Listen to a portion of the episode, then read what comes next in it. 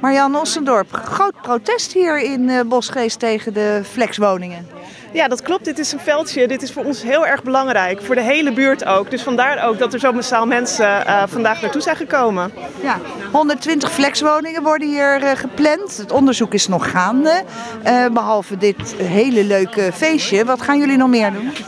Uh, we houden natuurlijk goed in de gaten hoe de besluitvorming loopt bij de gemeente. En uh, nou ja, zullen we weer een brief schrijven. We gaan inspreken in de commissie. En uh, nou ja, we hopen natuurlijk dan gehoord te worden. Jullie protest die gaat erom dat dit veld hier, het groot veld, echt een plek heeft in de, in de gemeenschap. Inderdaad, en het is gewoon voor ons ontzettend belangrijk dat het zo blijft. Dat onze kinderen hier kunnen blijven spelen, dat wij elkaar kunnen ontmoeten hier en dat we ook een beetje groen, een beetje ruimte blijven houden tussen de huizen, zodat het ook leefbaar blijft voor ons in Voorschoten. Nou hoorde ik daarnet dat hier onder de grond ook hoogspanningskabels liggen, klopt dat?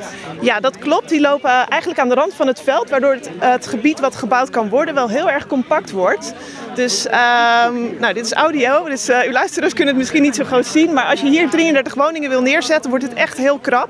Wordt het uh, flink op elkaar en komt het ook echt heel erg dichtbij op onze huizen te staan. Eigenlijk zeggen jullie, het gaat hem niet worden. Nee, dat is onze boodschap hier.